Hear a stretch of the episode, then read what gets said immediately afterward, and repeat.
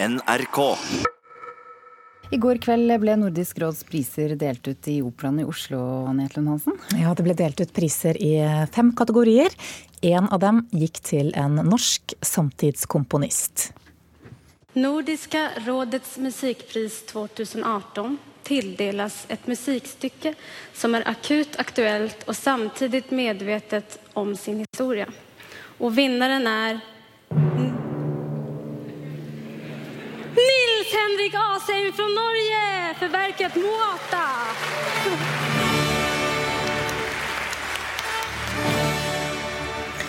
Ja, Muarta det er et eh, samisk ord for eh, snø, og tekstgrunnlaget i dette verket består altså av 18 samiske ord som har med snø å gjøre. Det forklarte Nils Henrik Asheim selv i takketalen. Det er egentlig et veldig stille kunstform som ikke roper på oppmerksomhet. Og jeg er veldig glad for at Nordisk råd støtter den skapende virksomheten som ikke roper på oppmerksomhet. Tusen takk for prisen til det som er så vidt synlig, og lyden som er så vidt hørbar. Og i dette tilfellet også til snøen og den arktiske isen som fremdeles så vidt er der, og som vi ikke har råd til å miste. Tusen takk. Og vinneren av det som er den eh, eldste prisen, og den vi gjerne snakker mest om, nemlig litteraturprisen, det ble islandske Audur Ava Olafsdottir for boken Ør, eller Arr på norsk. Men hva var det egentlig som førte til at nettopp en kvinne fra Island vant? Det har vår reporter Petter Sommer forsøkt å finne ut av. Nordisk råds litteraturpris har blitt delt ut siden 1962, altså i 56 år. Det gjør den på ingen måte til en av verdens eldste priser, men for norske og nordiske forfattere er det omtrent den største prisen det er mulig å vinne. Tror du meg ikke? Bare hør på Carl Frode Tiller her, han var jo nominert for tredje gang i år, og vet hva han snakker om. Det er jo den gjeveste prisen du kan få som forfatter, bortsett fra nobelprisen, så klart. Nesten like stort som nobelprisen. Og siden vi vet at svenskene har rotet det såpass til at den ikke deles ut i år, ja, da er jo Nordisk råds litteraturpris faktisk Den gjeveste prisen du kan få. i 2018. Men hvorfor var det nettopp Audur Ava Olavsdotter med hennes Ør som vant prisen du kan få. i operaen i går kveld? Kunne man regne seg fram til at hun skulle vinne på forhånd? Ja La oss se på fakta. Det er svenskene som har vunnet Nordisk råds litteraturpris flest ganger. Hele 16 priser har de på hylla. Svenskene hadde også den aller første vinneren, og ikke bare det, de har også klart å vinne samtidig som et annet land. I 1965, da litteraturprisen var bare tre år gammel, klarte ikke juryen samle seg om én vinner. Færøyske William Heinersen måtte da finne seg i å dele prisen med svenske Gunnar Ekløf og hans bok Från helvetet til paradiset. Så i rettferdighetens navn kunne ikke svenskene vinne i år også. Og så var det danskene, da. De har vunnet nest flest ganger. I tillegg vant de i fjor, noe som betyr at de ville fått dobbel seier, og det er slettes ikke vanlig for Nordisk råds litteraturpris. Men hva med Norge? Vi har vunnet ti ganger og ligger med det på en pen tredjeplass. Første gang så vant vi med Tarjei Vesaas, og så med navn som Johan Borgen, Kjartan Fløgstad, Dag Solstad, Øystein Lønn, Jan Kjærstad og Lars Saabye Christensen. Ja, det var veldig mange menn, sier du. Ja, faktisk så er det mye vanligere at menn vinner denne prisen enn kvinner. Mye talte derfor for at vi skulle få en kvinne i år, selv om det skulle bli tredje på rad. Så hva med Finland? Jo, statistisk sett så var det gode sjanser for at Finland skulle stikke av med prisen i år. De har nest færrest priser av de fem nordiske landene, så det kunne godt ha blitt seier til Susanne Ringell med hennes God morgen. Men så var det Island. De hadde færrest priser fra før, bare sju på 57 år, og hvis vi i tillegg legger til at Nordisk råds sekretariat ligger på Island, var det statistisk sett duket for en slags fortjent underdog-hjemmeseier til Audur Ava Olausdottir. Eller som andre vil si, kanskje hun rett og slett bare hadde skrevet den beste boka. var reporter eh, Petter Sommer som hadde laget denne saken. Litteraturkritiker Marta Norheim her i NRK, god morgen. God morgen. Var det statistikk, eller var det god skrivekunst som gjorde at Audur Ava Olavsdotter ble tildelt årets pris? Ja, det var iallfall ikke statistikk, og jeg syns jo at boka var god, er god. Ehm, det er jo eh, noe med at eh, Island er et lite land, så det er jo kanskje en av grunnene til at jeg ikke har fått den så veldig ofte.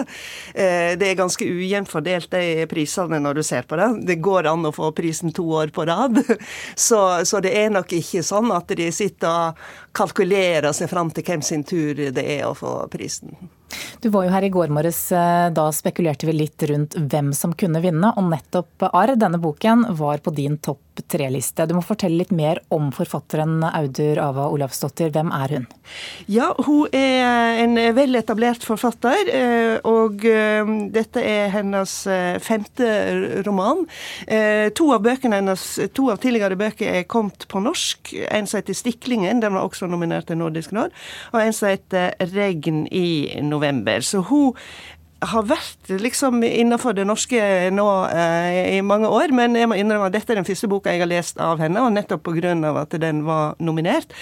Um, hun er egentlig utdanna eh, kunsthistoriker og eh, leier eh, Islands universitets kunstmuseum, så det er innenfor liksom kunsten hun eh, holder seg sånn i det daglige. men eh, denne boka hennes bærer egentlig ikke preg av det i det hele tatt. Så når hun er forfatter, da driver hun med noe helt annet.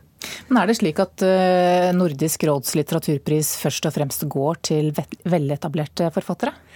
Eh, det er nok en tendens. Altså Det fins noen sånne sånn du tenker Oi, hvem er det for noen folk? Men, eh, men veldig ofte så går det til etablerte. Og det, det, er ikke så rart. Altså Det er veldig få som skriver den beste boka først i forfatterskapet. Og det er jo egentlig òg litt trist. Altså Heretter går det bare nedover, liksom.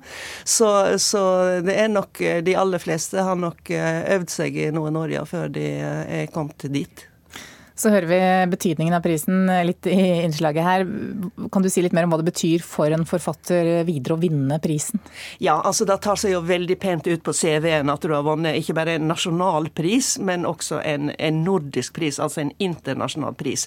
Så, så det, er et, det er et skuv framover til å bli synlig. Når, når alle internasjonale priser utenfor Norden eh, skal finne eh, nominerte, så, eller skal nominere, så vil det jo nettopp se på sånne ting, at du har vunnet internasjonale priser. Sånn at, det, sånn at det er en viktig ting. Eh, det er òg eh, et skuv framover for å bli omsett til andre språk.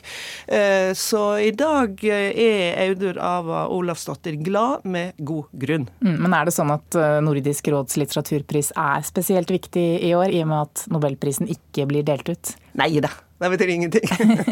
ok, Takk skal du ha, litteraturkritiker her i NRK, Marta Norheim.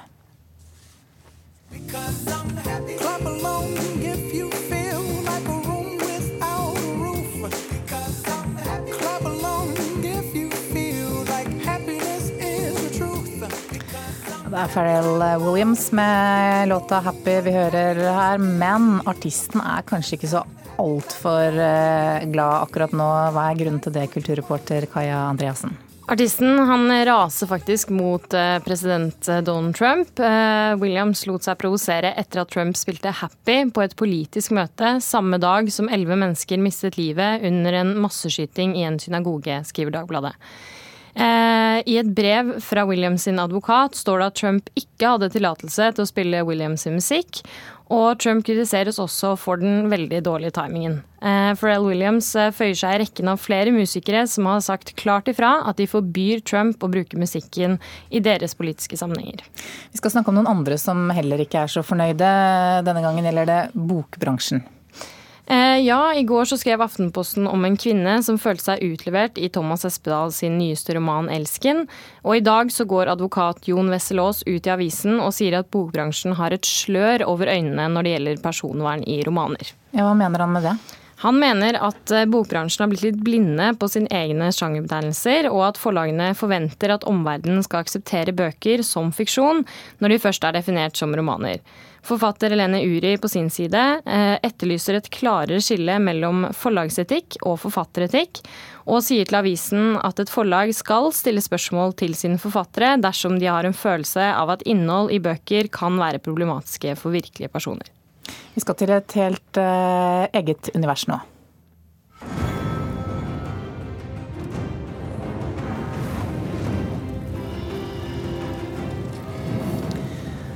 For nå skal det handle om Game of Thrones-universet. HBO planlegger en forløperserie som skal eh, ta for seg tiden før det som skjedde i TV-serien vi har sett i flere sesonger. Hvem skal spille en av hovedrollene der, eh, Kaja?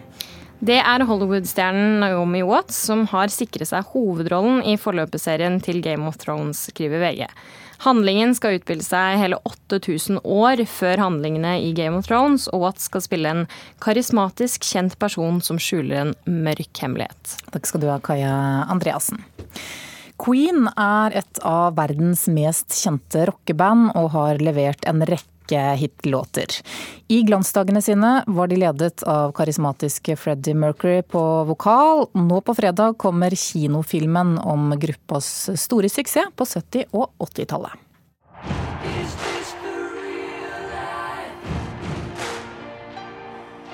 Tufta på noen av de største slagerne til bandet Queen, så har filmen Bohemian Rhapsody mye glede å gi til det musikkinteresserte kinopublikummet. Rami Malek er gnistrende god i hovedrollen som vokalist Freddie Mercury, og spesielt filmens siste akt er en tårevåt omgang med musikalsk begeistring, i hvert fall for den lettrørte. Men det her er også en snilt dramatisert biografi som mellom sterke høydepunkt faller ned i det sjangerordinære med noen overraskende tamme miljøskildringer, karikerte biroller og enkle klisjeer. Our singer just quit. Then you'll need someone new.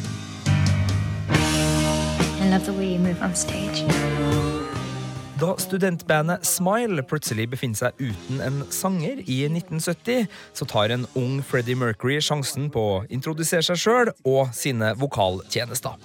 Det blir starten på et rockeeventyr fullt av hits, banebrytende sjangerblandinger og en scenepersonlighet verden knapt har sett maken til. Filmen fortelles med vokalisten som den klare hovedpersonen, og er underholdningsfokusert i sitt kjappe fortellertempo og i sin lettbeinte stil. Mercurys bakgrunn som innvandrer og homoseksuell, i ei tid hvor begge deler ga store sosiale utfordringer, er filmens sterkeste nervetråd. Vi får se hvordan artisten klarte å bruke det her som kunstnerisk drivstoff, samtidig som det også gjorde han svært ensom og sårbar. Også her er manuskriptet opptatt av å male med brei og tydelig strek, og filmen holder seg til scener som ligger klisjeen nært, men Rami Maleks prestasjon skinner igjennom og skaper en helstøpt og nyansert versjon av artisten Freddie Mercury. Roger, there's only room in this band for one hysterical queen.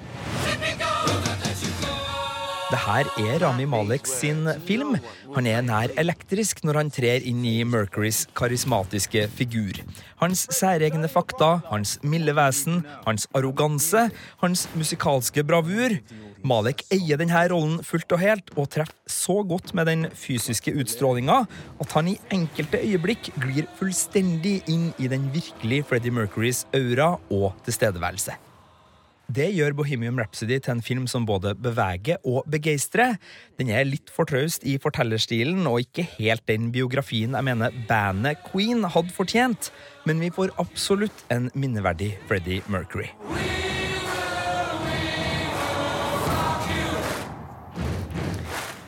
Det var eh, Sigurd Vik som hadde sett Bohemian Rhapsody. Filmen har altså kinopremiere førstkommende fredag.